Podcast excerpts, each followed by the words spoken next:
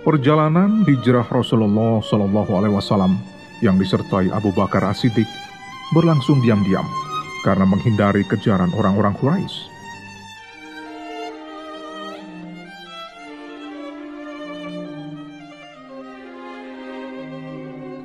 Di tengah sulitnya perjalanan dari Mekah hingga Madinah, mereka singgah di sebuah tenda, tempat tinggal sepasang suami istri yang selalu memberikan jamuan kepada orang-orang yang singgah di tenda.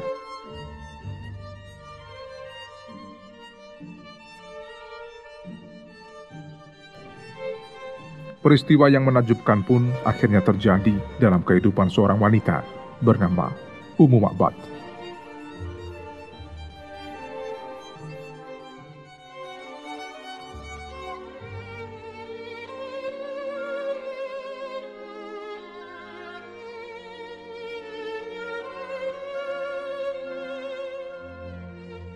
Ummu Ma'bad Al-Qusayyah menikah dengan sepupunya, Tamim bin Abdul Uzza.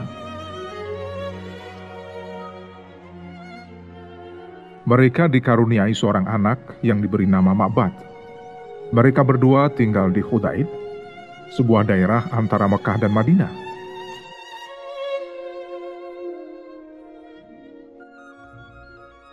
Mereka tidak pernah menyangka tempat tinggalnya akan menjadi tempat yang masyhur dengan singgahnya utusan Allah Subhanahu wa taala.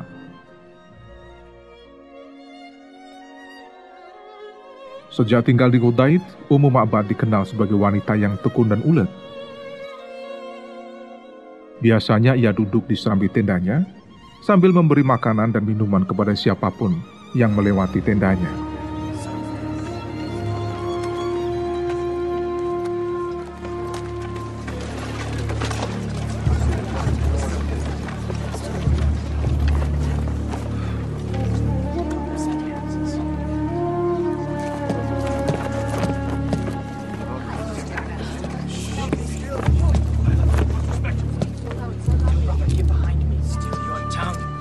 Suatu hari, Rasulullah Shallallahu Alaihi Wasallam dan Abu Bakar hendak melanjutkan perjalanan setelah bersembunyi selama tiga hari di dalam gua. Pembantu Abu Bakar, Amr bin Fuhairoh, menyertai mereka.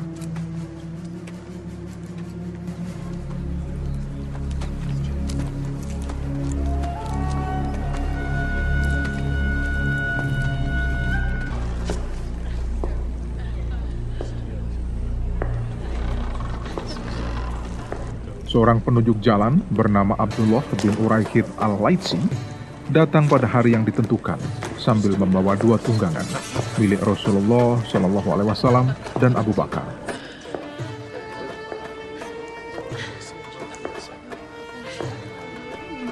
Dini hari rombongan kecil itu lalu berangkat.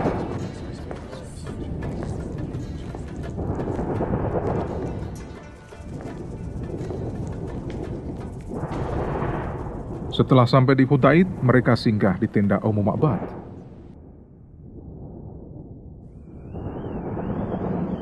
Rasulullah Shallallahu Alaihi Wasallam dan Abu Bakar hendak membeli daging dan kurma yang dimiliki Ummu Ma'bad. Perempuan itu lalu berkata, Jika saja kami memiliki sesuatu, tentu kalian tidak akan kesulitan mendapatkan makanan dan minuman. Maafkanlah kami. Saat ini adalah masa paceklik. Anda lihat, kambing-kambing pun tidak beranak.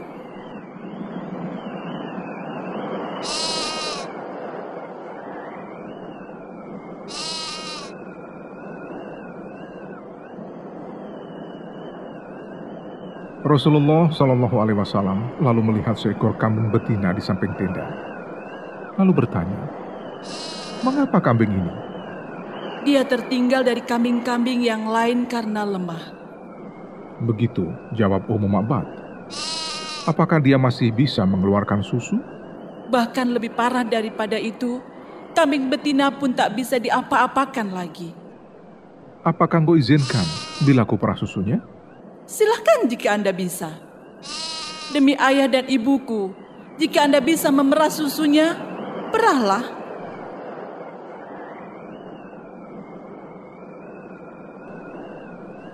Rasulullah Shallallahu Alaihi Wasallam lalu mengusap kantung susu kambing betina itu sambil menyebut nama Allah Subhanahu wa taala dan berdoa.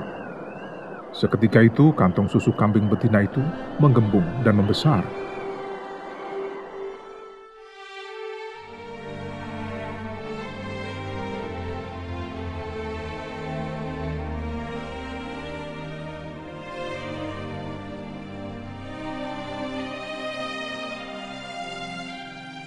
Rasul lalu meminta bejana pada umum abad dan memerah susu kambing itu dalam bejana hingga penuh.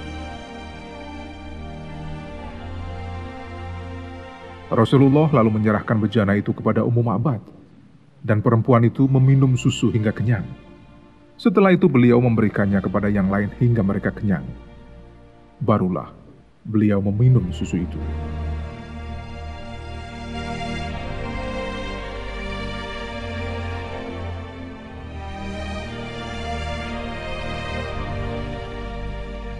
Rasulullah Shallallahu Alaihi Wasallam memerah susu kambing itu lagi hingga memenuhi bejana.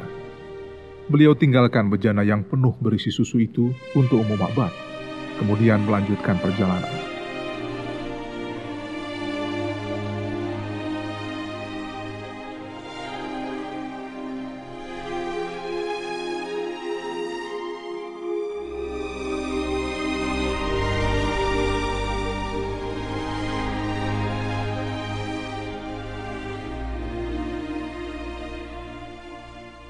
Tak lama kemudian, suami umum Abad datang sambil menggiring kambing-kambingnya yang kurus dan lemah. Ketika melihat bejana berisi susu, dia bertanya keheranan, "Dari mana susu ini? Padahal kambing-kambing kita tidak beranak, dan di rumah tidak ada kambing yang bisa diperah susunya. Coba katakan, dari mana susu ini?" Demi Allah, tadi ada seseorang yang penuh berkah lewat sini. Aku yakin Dialah salah seorang kures yang sedang dicari-cari. Baiklah istriku, gambarkan kepadaku bagaimana ciri-cirinya. Umum Abad lalu melukiskan sifat Rasulullah Shallallahu Alaihi Wasallam yang baru saja dilihatnya. Dia sungguh elok, wajahnya berseri-seri, bagus perawakannya tidak gemuk dan tidak kecil, tampan rupawan. Bola matanya hitam legam, bulu matanya panjang, suaranya agak serak dan lehernya jenjang. Jenggotnya lebat, matanya seperti bercelak.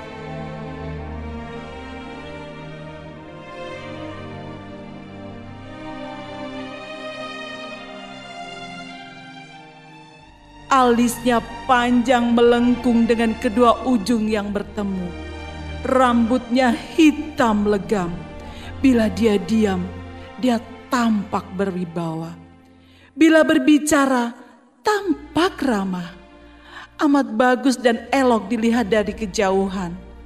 Tampan dipandang dari dekat. Manis tutur katanya. Tidak sedikit bicaranya. Tidak pula berlebihan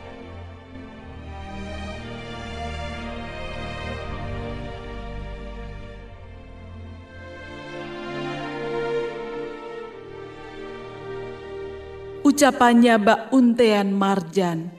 Dia bagai pertengahan antara dua dahan. Dia yang paling tampan dan paling muda dari ketiga temannya yang lain. Dia memiliki teman-teman yang mengelilinginya. Bila dia berbicara, mereka mendengarkan ucapannya baik-baik. Bila dia memerintahkan sesuatu, mereka dengan segera melayani dan mentaati perintahnya. Dia tidak pernah bermuka masam dan tak bertele-tele ucapannya.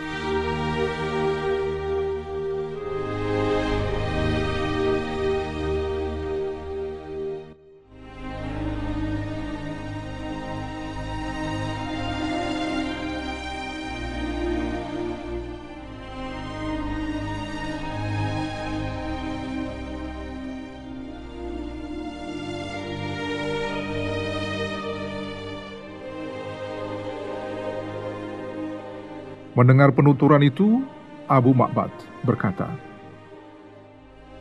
Demi Allah, dia pasti orang Quraisy yang sedang dicari-cari. Aku bertekad untuk menemaninya, Dan sungguh, aku akan melakukannya jika aku dapatkan jalan untuk itu.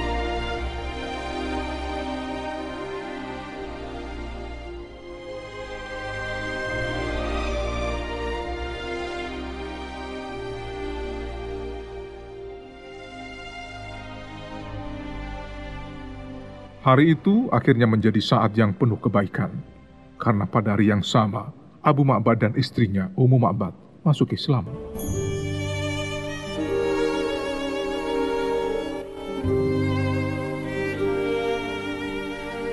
Keduanya tetap tinggal di Hudaib, daerah yang berada di antara kota Makkah dan Madinah.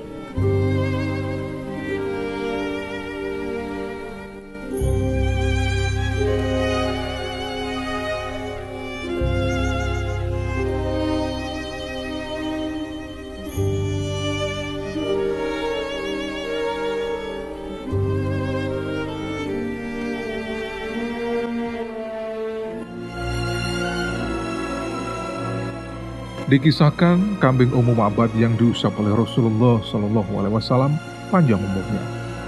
Kambing itu tetap hidup sampai masa pemerintahan Khalifah Umar bin Khattab tahun 12 Hijriah. Dan kambing itu selalu mengeluarkan air susunya saat diperah, pagi maupun sore.